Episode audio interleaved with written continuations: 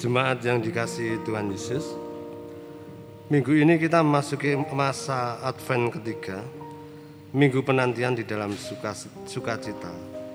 Dalam minggu ini disampaikan kepada kita berita tentang janji keselamatan, pemulihan pembebasan dari hukuman dan perdamaian dari Allah.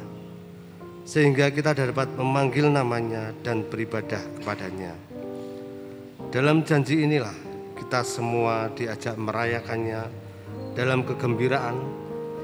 Bersorak-soraklah hai putri Sion, bertempik soraklah hai Israel. Bersukacitalah dan beria-rialah dengan segenap hati hai putri Yerusalem. Marilah kita memuji nama Tuhan dengan menyanyikan Kidung Jemaat 91 ayat bait pertama dan ketiga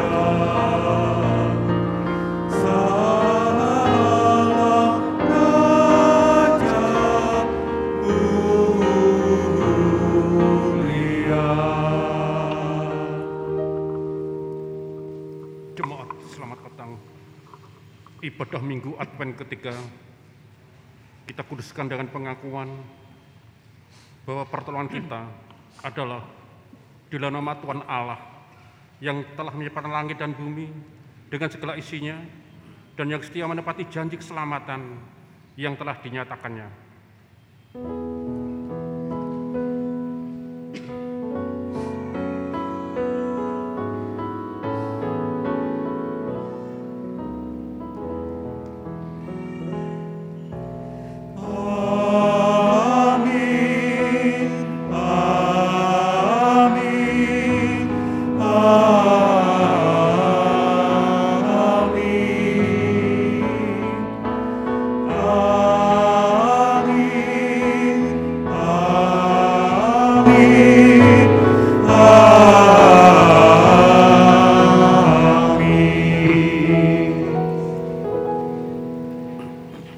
itu, kasih karunia dan terang dari Allah Bapa kita dan dari Tuhan Yesus Kristus menyertai kita sekalian.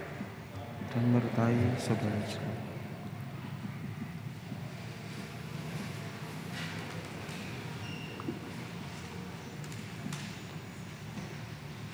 Advent selalu menyimpan dua sisi misteri kehidupan manusia yang saling berkelindan, yaitu ingatan akan masa lalu dan harapan pada masa depan. Di masa Advent ini kita mengingat dan diteguhkan kembali oleh peristiwa kelahiran Yesus pada malam Natal di Bethlehem ketika Tuhan merendahkan diri menjadi manusia dalam sosok sang bayi mungil di palungan. Pada saat yang sama, kita pun saat ini menantikan, mengharapkan, dan mempersiapkan diri akan kedatangannya yang kedua. Dia yang datang sebagai juru selamat dunia, Sang Maharaja Semesta, menantikan kita menerimanya sebagai pendamai yang kudus. Siapkanlah diri kita, nyalakanlah pelita dan bukalah hati kita menyambut kedatangannya. Marilah kita menyanyikan dari kitab Bakti 127 bait pertama sampai ketiga.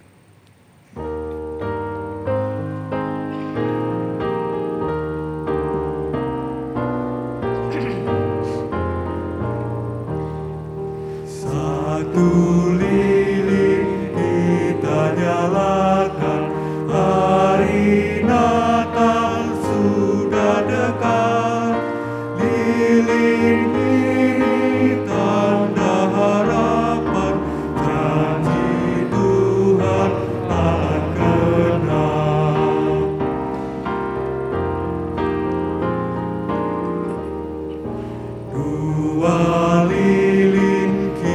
kita nyalakan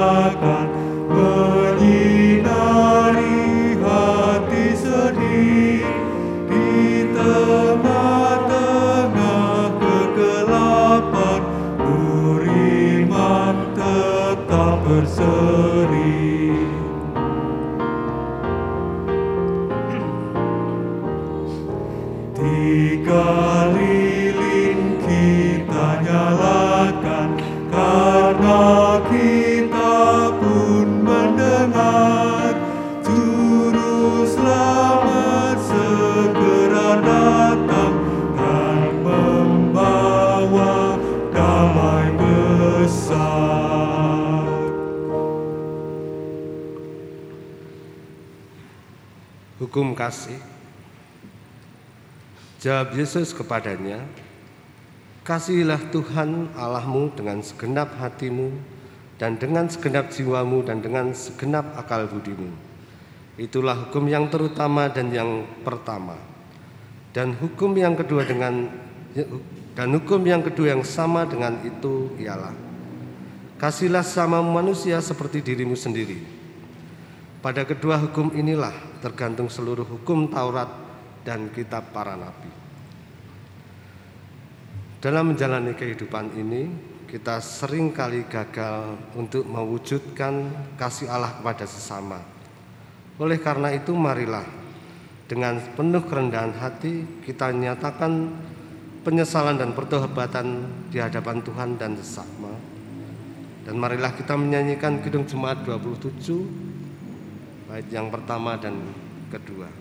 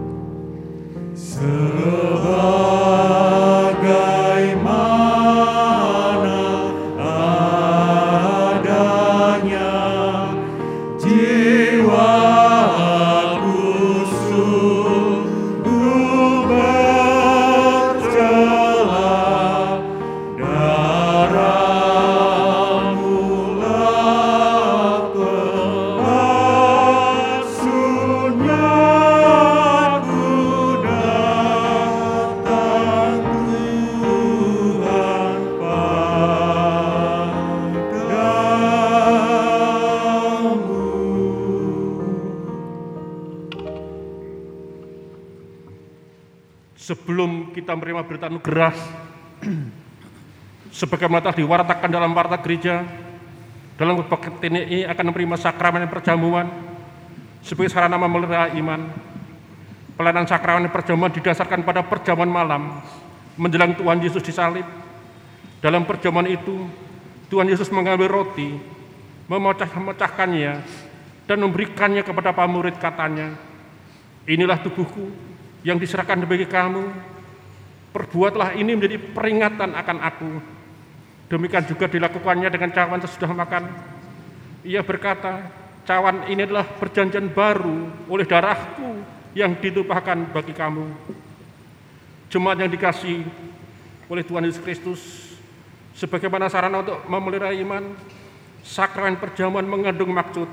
Yang pertama, roti dan anggur sebagai lambang tubuh dan darah Tuhan Yesus menunjuk dan mengingatkan bahwa penyaliban dan kematian Tuhan Yesus adalah dasar penyelamatan bagi manusia. Dua, sakramen perjamuan menunjuk dan mengingatkan bahwa orang-orang percaya merupakan keluarga Allah.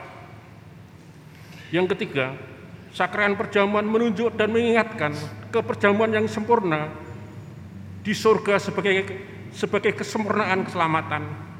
Yang keempat, sakramen perjamuan menunjuk dan mengingatkan pemberitaan tentang kematian Tuhan Yesus sampai ia datang. Jemaat, sebelum kita menerima sakramen perjamuan, marilah kita sekali lagi menguji diri dengan bertanya kepada diri kita masing-masing sebagai berikut. Yang pertama, apakah kita sungguh-sungguh menyadari dan mengakui bahwa kita berada dalam kondisi tidak selamat karena dosa dan dengan kekuatan serta usaha sendiri tidak mampu melepaskan diri dari kondisi tersebut sehingga membutuhkan juru selamat yang berkuasa melepaskannya. Yang kedua, apakah kita sungguh-sungguh bertobat dan menyerahkan diri dengan penuh keyakinan kepada Allah yang menyelamatkan manusia melalui kematian dan kebangkitan Tuhan Yesus. Yang ketiga, apakah kita sungguh-sungguh bertekad menyerahkan diri untuk hidup sesuai dengan firman-Nya? Yang keempat, apakah kita sungguh-sungguh bertekad senantiasa menjalani hidup penuh syukur atas anugerah penyelamatan Allah. Selaku hamba Tuhan, saya menegaskan bahwa sakramen perjamuan disediakan bagi orang yang menyerahkan diri kepada Tuhan Yesus dengan menyesali dosanya, serta memohon pertolongan Tuhan supaya dapat melaksanakan semua perintah Tuhan Allah. Sekarang kita mendengar berita anugerah yang terambilkan dari kitab Yesaya 12 ayat 2 Sungguh Allah itu keselamatanku. Aku percaya dengan tidak gemetar. Sebab Tuhan Allah itu kekuatanku dan dan masmurku. Ia telah menjadi keselamatanku. Kita nyanyikan ke 87, 1 dan 3 dengan berdiri.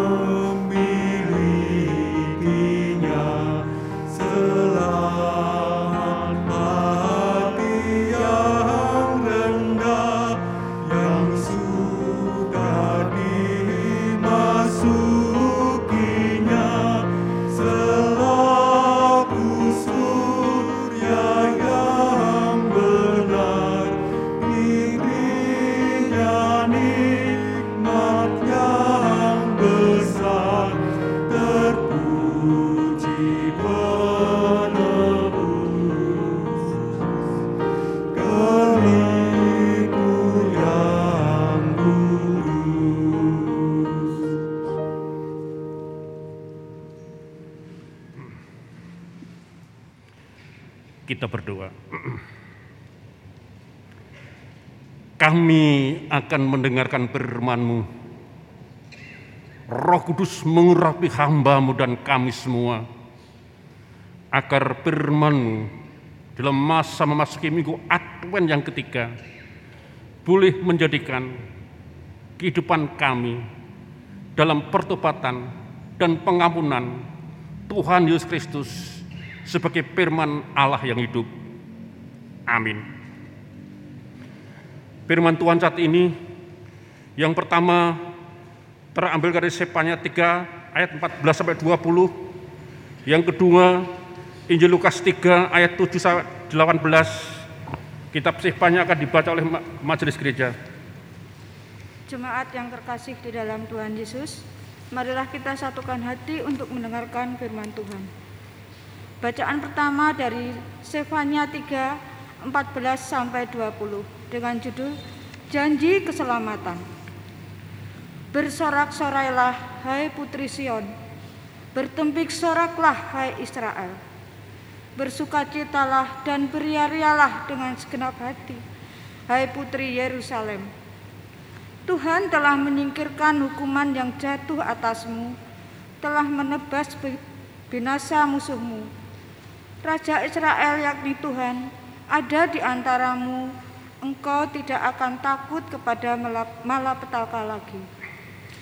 Pada hari itu akan dikatakan kepada Yerusalem, janganlah takut hai Sion, janganlah tak, janganlah tanganmu menjadi lemah lesu Tuhan Allahmu ada di antaramu sebagai pahlawan yang memberi kemenangan. Ia bergirang karena engkau dengan sukacita, ia membaharui engkau dalam kasihnya. Ia bersorak-sorak karena engkau dengan sorak-sorak sorai.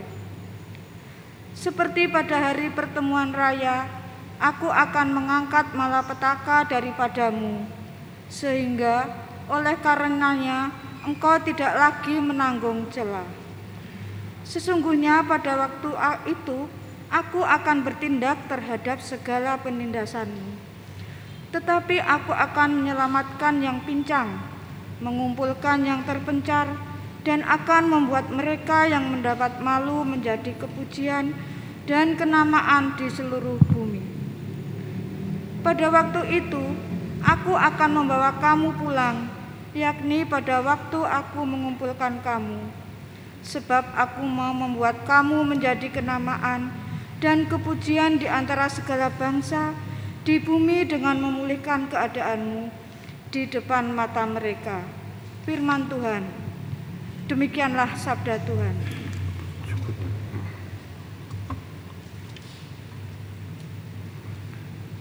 Jemaat kita membuka Injil Lukas 3 ayat 7 sampai ayat 18.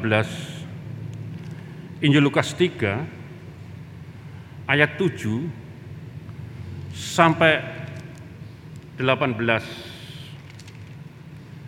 Firman Tuhan demikian, lalu ia berkata kepada orang banyak yang datang kepadanya untuk dibaptis katanya, Hai kamu keturunan uar beludak, siapakah yang mengatakan kepada kamu, melarikan diri dari murka yang akan datang?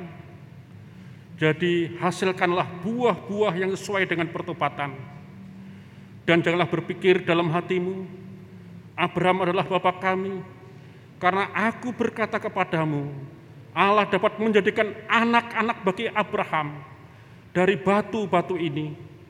Kapak sudah tersedia pada akar pohon dan setiap pohon yang tidak menghasilkan buah yang baik akan ditebang dan dibuang ke dalam api.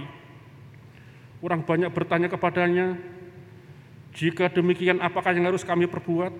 Jawabnya, barang siapa mempunyai dua helai baju, hendaklah ia membaginya dengan yang tidak punya. Dan barang siapa mempunyai makanan, hendaklah ia berbuat juga demikian. Ada datang juga pemungut-pemungut cukai untuk dibaptis, dan mereka bertanya kepadanya, Guru, apakah yang harus kami perbuat? Jawabnya, Jangan menagih lebih banyak daripada yang telah ditentukan bagimu. Dan prajurit-prajurit bertanya juga kepadanya, dan kami, apakah yang harus kami perbuat? Jawab Yohanes kepada mereka, jangan merampas dan jangan memeras dan cukupkanlah dirimu dengan gajimu. Tetapi karena orang banyak sedang menanti dan berharap dan semuanya bertanya dalam hatinya tentang Yohanes, kalau kalau ia adalah Mesias, Yohanes menjawab dan berkata kepada semua orang itu, Aku membaptis kamu dengan air, tetapi ia yang lebih berkuasa daripadaku akan datang membuka tali kasutnya pun aku tidak layak. Ia akan membaptis kamu dengan roh kudus dan dengan api. Alat penampi sudah di tangannya untuk membersihkan tempat pengirikannya dan untuk mengumpulkan gandumnya ke dalam lumbungnya. Tetapi debu jerami itu akan dibakarnya dalam api dan tidak terpadamkan. Dengan banyak nasihat lain Yohanes memberitakan Injil kepada orang banyak. Jemaat yang berbahagia mereka mendengarkan firman dan memeliharanya. Haleluya.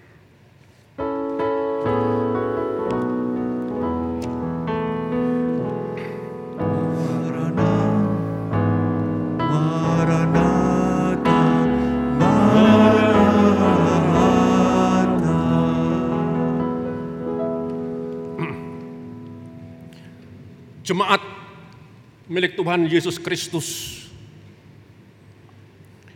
Apa yang terjadi dalam kehidupan negara dan bangsa kita pada saat ini? Yang jelas Gunung Semeru meletus.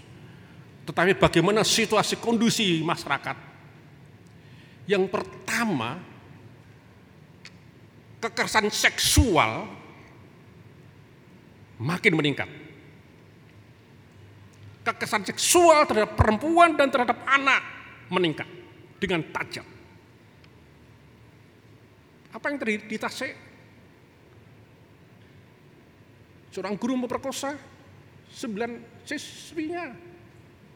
Dan masih banyak kekerasan. Ayah menyetujui putrinya sendiri. Itu yang terjadi. Lalu yang kedua apa? Korupsi di Indonesia nomor satu di negara ASEAN. Korupsi di Indonesia nomor satu di negara ASEAN. Di tengah-tengah pandemi, korupsi merajalela. Nah, saya mengatakan itu untuk apa?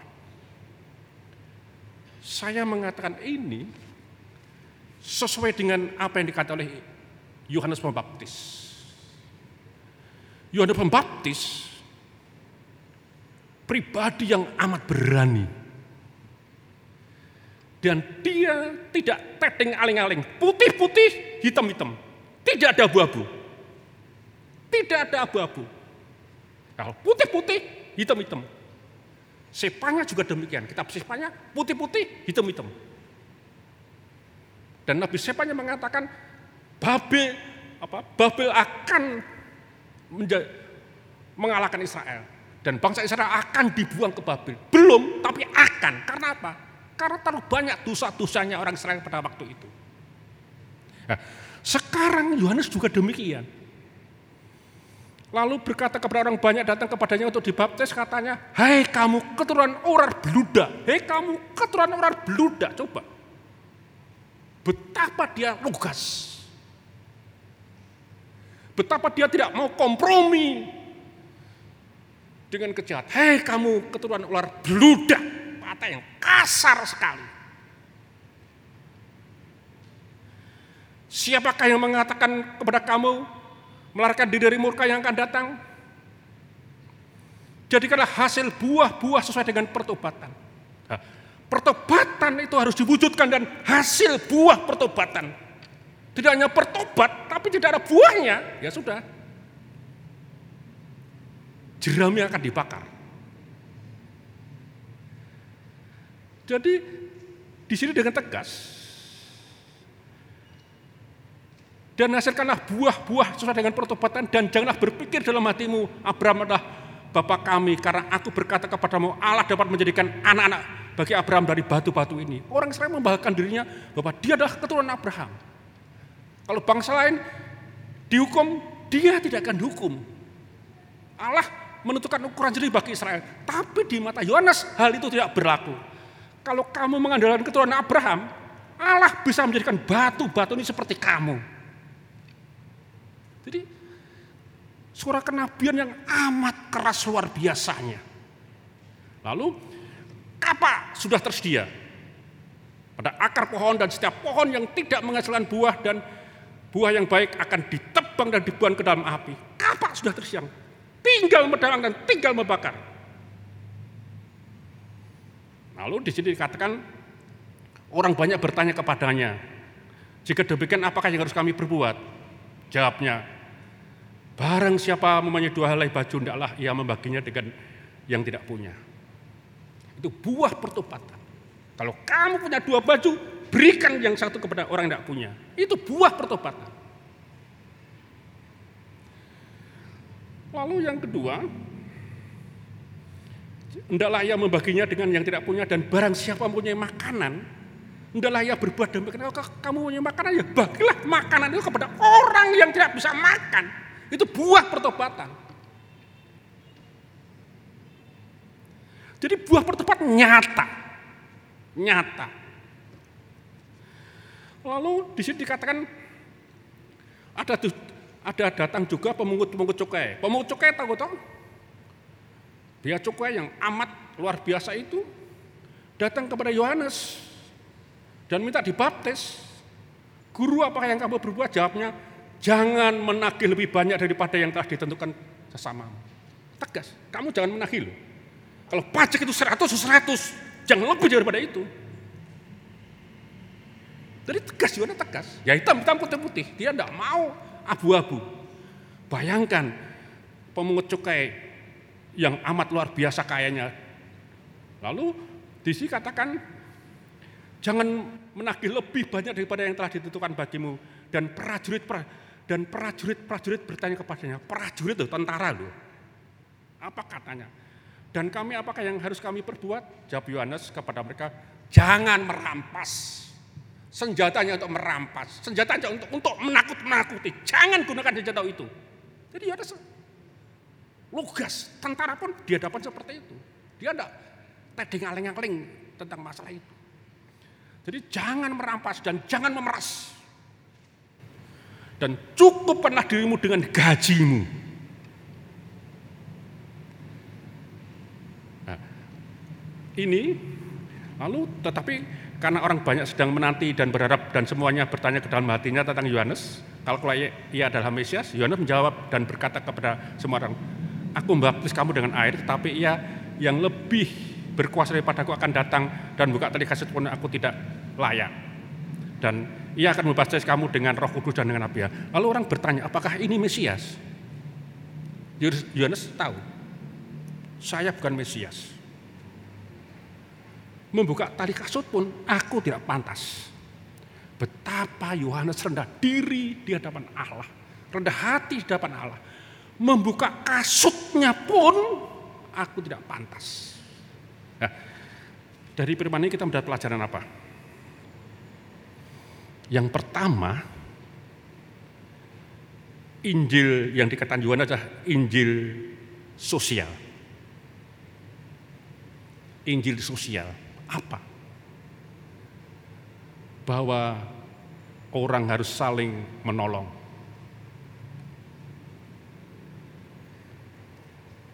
Orang harus saling menolong. Kalau kamu punya dua jubah, satu kasihkan yang tidak punya jubah. Kalau kamu bisa makan, kasih makanan juga kepada orang yang tidak bisa makan. Injil sosial. Injil sosial. Allah tidak akan membebaskan seseorang yang mempunyai terlampau banyak, sementara yang lainnya hampir tidak mempunyai apa-apa. Lalu, bagaimana dengan Semeru? Apa yang kita berbuat? Saya telah ke sana. Saya telah ke sana. Tiga hari yang lalu saya ke sana, ke Semeru. datang sendiri, melihat sendiri mata kapal sendiri apa yang terjadi.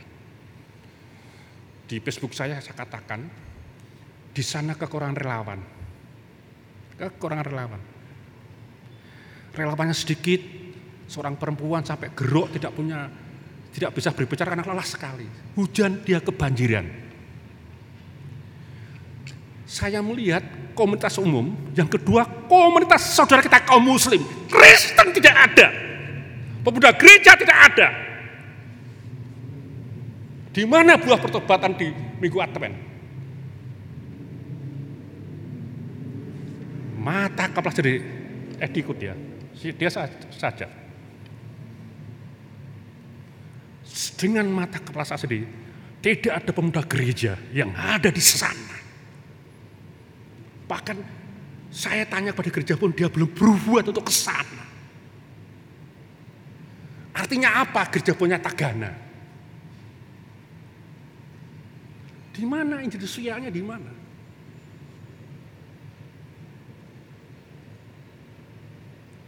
Kalau begitu ya sudahlah, kapak sudah tersedia untuk kamu, kata Yohanes. Kata Yohanes. Lalu yang kedua,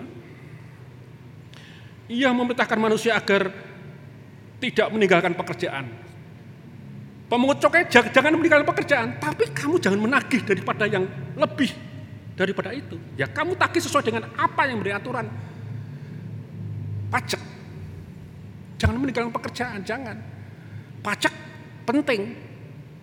Tanpa pajak negara tidak jalan, tapi kamu harus jujur sesuai dengan apa yang kamu tagih. Prajurit, ya, jangan meninggalkan prajurit. Kamu tetap prajurit, kamu tetap tentara, tapi jangan merampas, jangan merampok.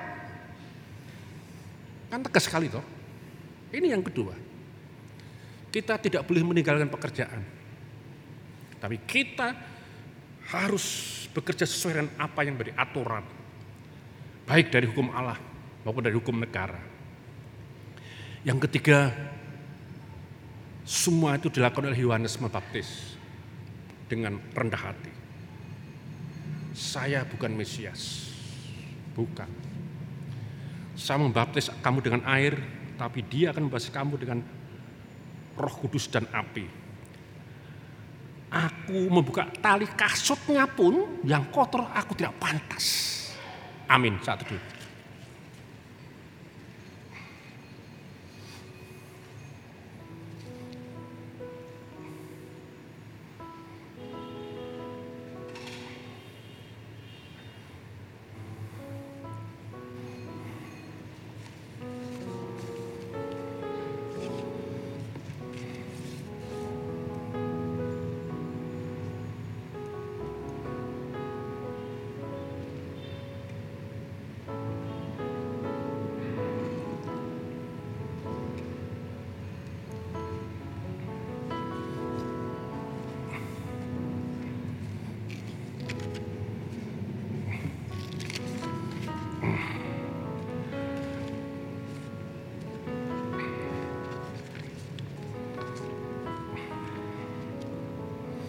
Kita berdoa. Ya Tuhan, kiranya Tuhan berkenan memakai sakramen perjamuan ini beri sarana untuk memelihara iman kami sehingga kami senantiasa yakin akan keselamatan yang Tuhan anugerahkan kepada kami dalam Yesus Kristus serta senantiasa memiliki pengharapan akan perjamuan yang sempurna di surga. Amin. Kami atas nama Majelis Gereja mengucapkan selamat datang kepada jemaat yang ikut dalam perjamuan kudus saat ini yang di luar anggota GKJ Merkangsan. Selamat datang kita diingatkan kita satu tubuh dalam Yesus Kristus dalam ikatan perjamuan kudus pada saat ini. Kita menyanyikan KC 35 ayat yang pertama.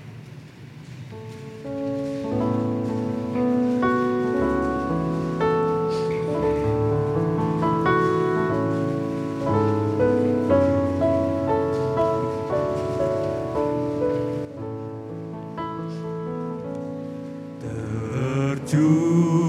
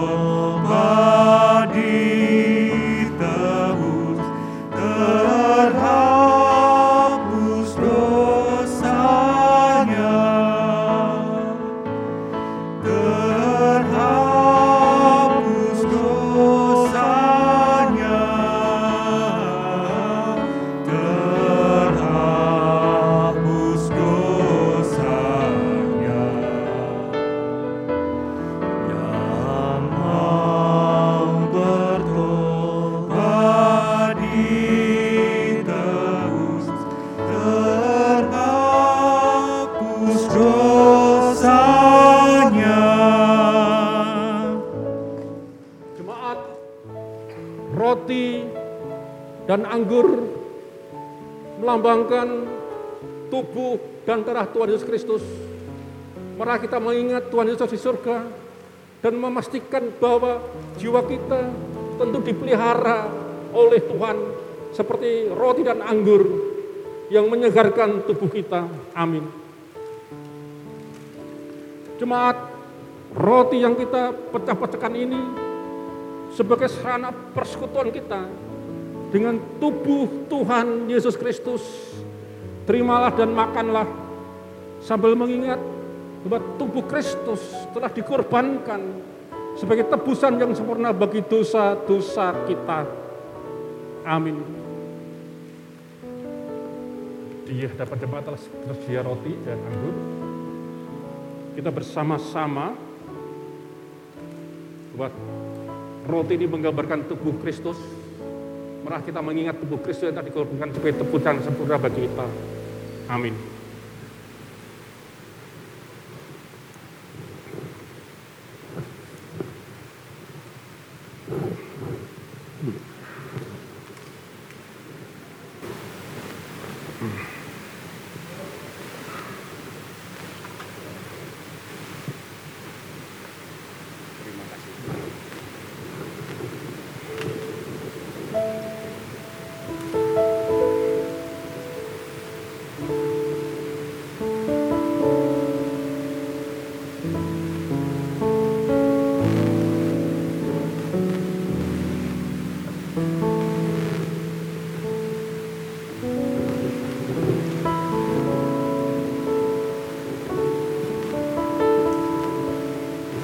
Kita makan bersama-sama dan mengingat tubuh Kristus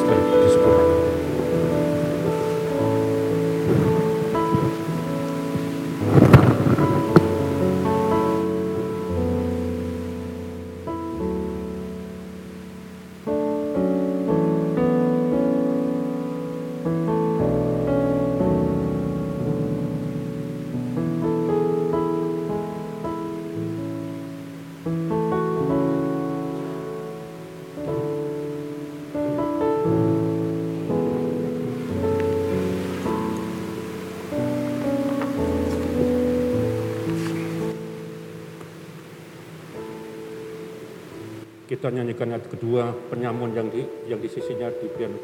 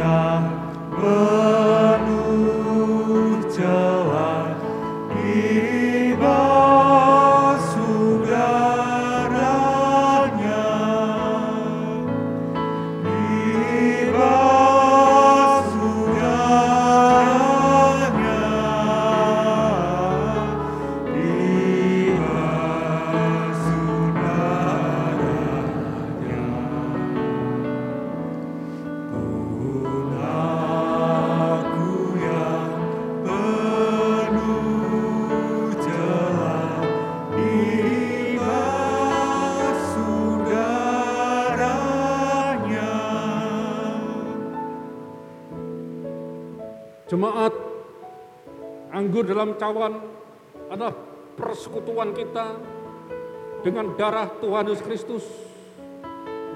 Terimalah dan minumlah sambil mengingat bahwa darah Kristus telah dicurahkan sebagai tebusan yang sempurna bagi dosa-dosa kita. Amin.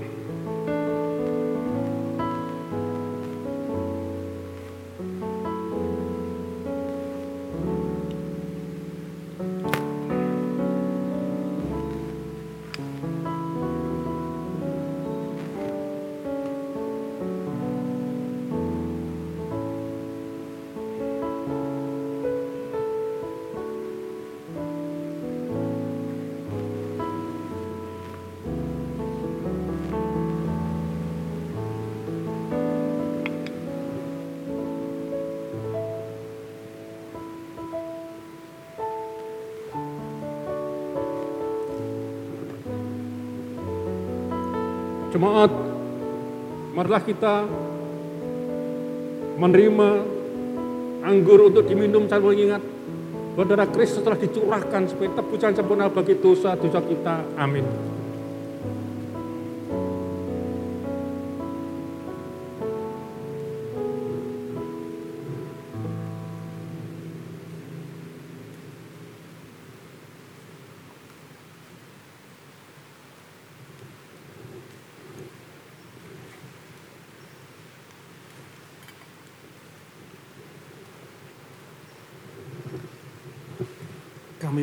Mengingatkan plastik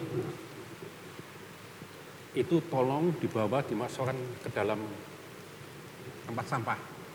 Di luar telah disediakan tempat sampah, tapi gelasnya jangan jangan dibuang, ya gelasnya di di, di tempat tapi plastiknya ya, plastiknya itu tolong nanti sambil keluar di luar telah disediakan apa tempat sampah. Lalu yang kedua nanti kita berjalan satu arah aja. Jadi jangan jangan apa jangan simpangan. Jadi kita satu arah agar kita menghindari apa piece to piece itu kita satu arah aja. Kalau saya anjurkan lewat tengah semua supaya kita bisa saling menyapa. Kita nyanyikan ayat yang ketiga.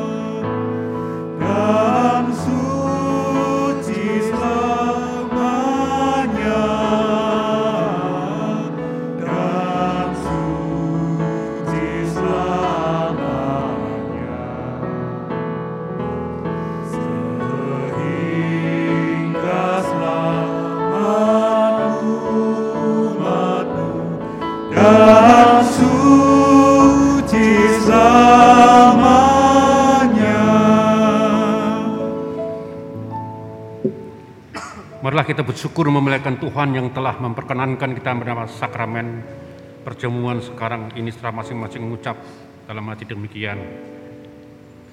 Pujilah Tuhan hai jiwaku, pujilah nama yang kudus hai segenap batinku. Pujilah Tuhan hai jiwaku, dan janganlah lupakan segala kebaikannya. Dia yang mengampuni segala kesalahanmu, yang menyembuhkan segala penyakitmu, dia yang menebus hidupmu dari lubang kubur, dan mengkotai engkau dengan kasih dan rahmat. Dia yang memuaskan hasratmu dengan kebaikan, sehingga masa mudamu menjadi baru seperti pada burung Raja Wali. Tuhan adalah penyayang dan pengasih, panjang sabar dan berlimpah kasih setia, tidak selalu ia menuntut dan tidak untuk selama-lama ia berdendam. Tidak dilakukannya kepada kita setimpal dengan dosa kita, dan tidak dibalasnya kepada kita setimpal dengan kesalahan kita. Tetapi setinggi langit di atas bumi, demikian besar kasih setianya atas orang-orang yang takut akan dia. Sejauh dari timur dari barat, demikian dijauhkannya daripada kita pelanggaran kita, seperti Bapa sayang kepada anak-anaknya, juga demikian orang yang takut akan Tuhan. Oleh karena itu, aku senantiasa akan memberitakan kemuliaan Tuhan sekarang sampai selama-lamanya. Kita berdoa. Secara khusus kami berdoa untuk letupan Gunung Semeru. Banjir lahar panas juga lahar dingin yang sangat menistapakan masyarakat yang ada di sana. Ketidakberdayaan manusia terhadap kekuatan alam sungguh sangat terapuh. Untuk itu kami boleh berdoa secara khusus untuk relawan-relawan yang ada di Semeru yang menolong sesamanya yang kena bencana letupan gunung Semeru rumah sudah hancur Harta kekayaan sudah ludes, tidak ada apa-apa. Siapa lagi yang menolong selain engkau mengutus kami? Seperti apa yang diberikan Tuhan pada saat ini? Injil siang menolong, membantu bagi sama kami yang menderita. Dalam Kristus Yesus kami boleh berdoa. Amin. Kita berdiri untuk mengakui pengakuan iman rasuli.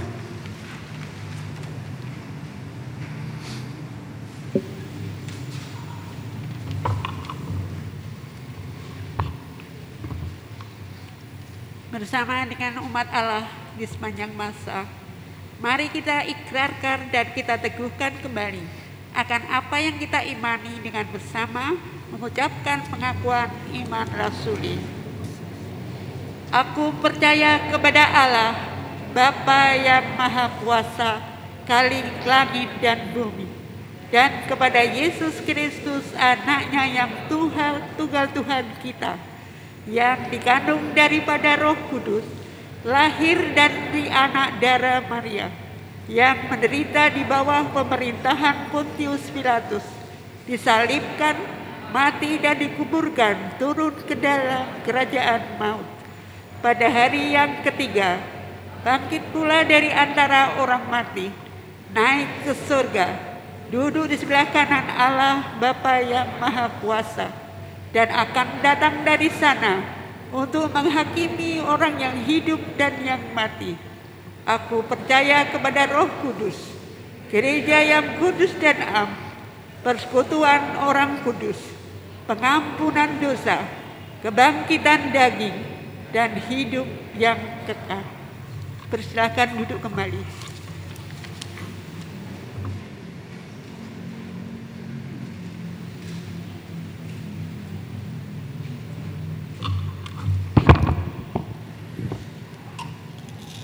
Kini marilah kita ungkapan kita ungkapkan rasa syukur dalam persembahan yang telah kita berikan di awal kebaktian atau nanti setelah selesai kebaktian dilandasi dengan firman Tuhan dalam 2 Korintus 9 ayat yang ketujuh. Hendaklah masing-masing memberikan menurut kerelaan hatinya, jangan dengan sedih hati atau karena paksaan, sebab Allah mengasihi orang yang memberi dengan sukacita. Nyanyian persembahan diiringi dari KJ 302 bait yang pertama dan yang kedua.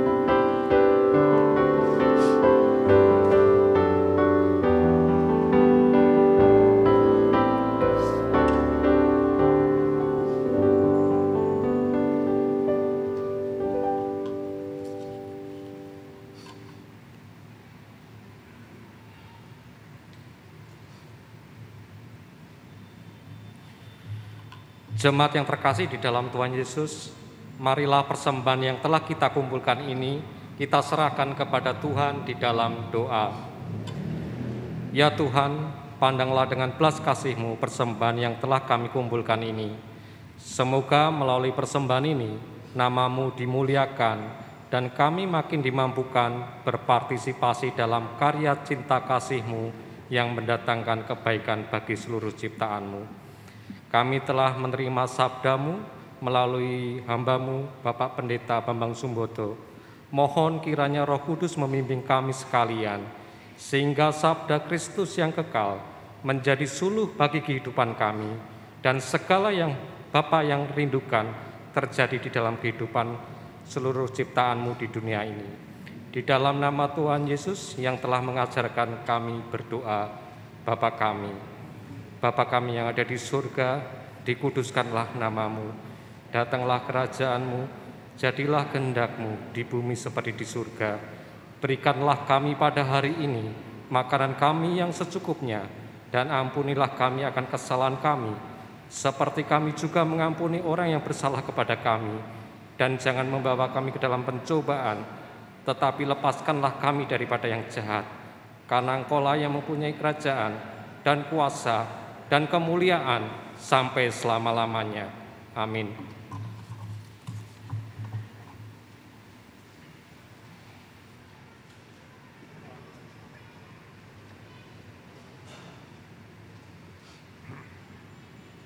Jemaat jangan lupa menggunakan protokol kesehatan yang benar agar pandemi Covid betul-betul bisa ke normal sebelum Covid. Kita nyanyikan depan 4, 1 dan 3 dengan berdiri. Ya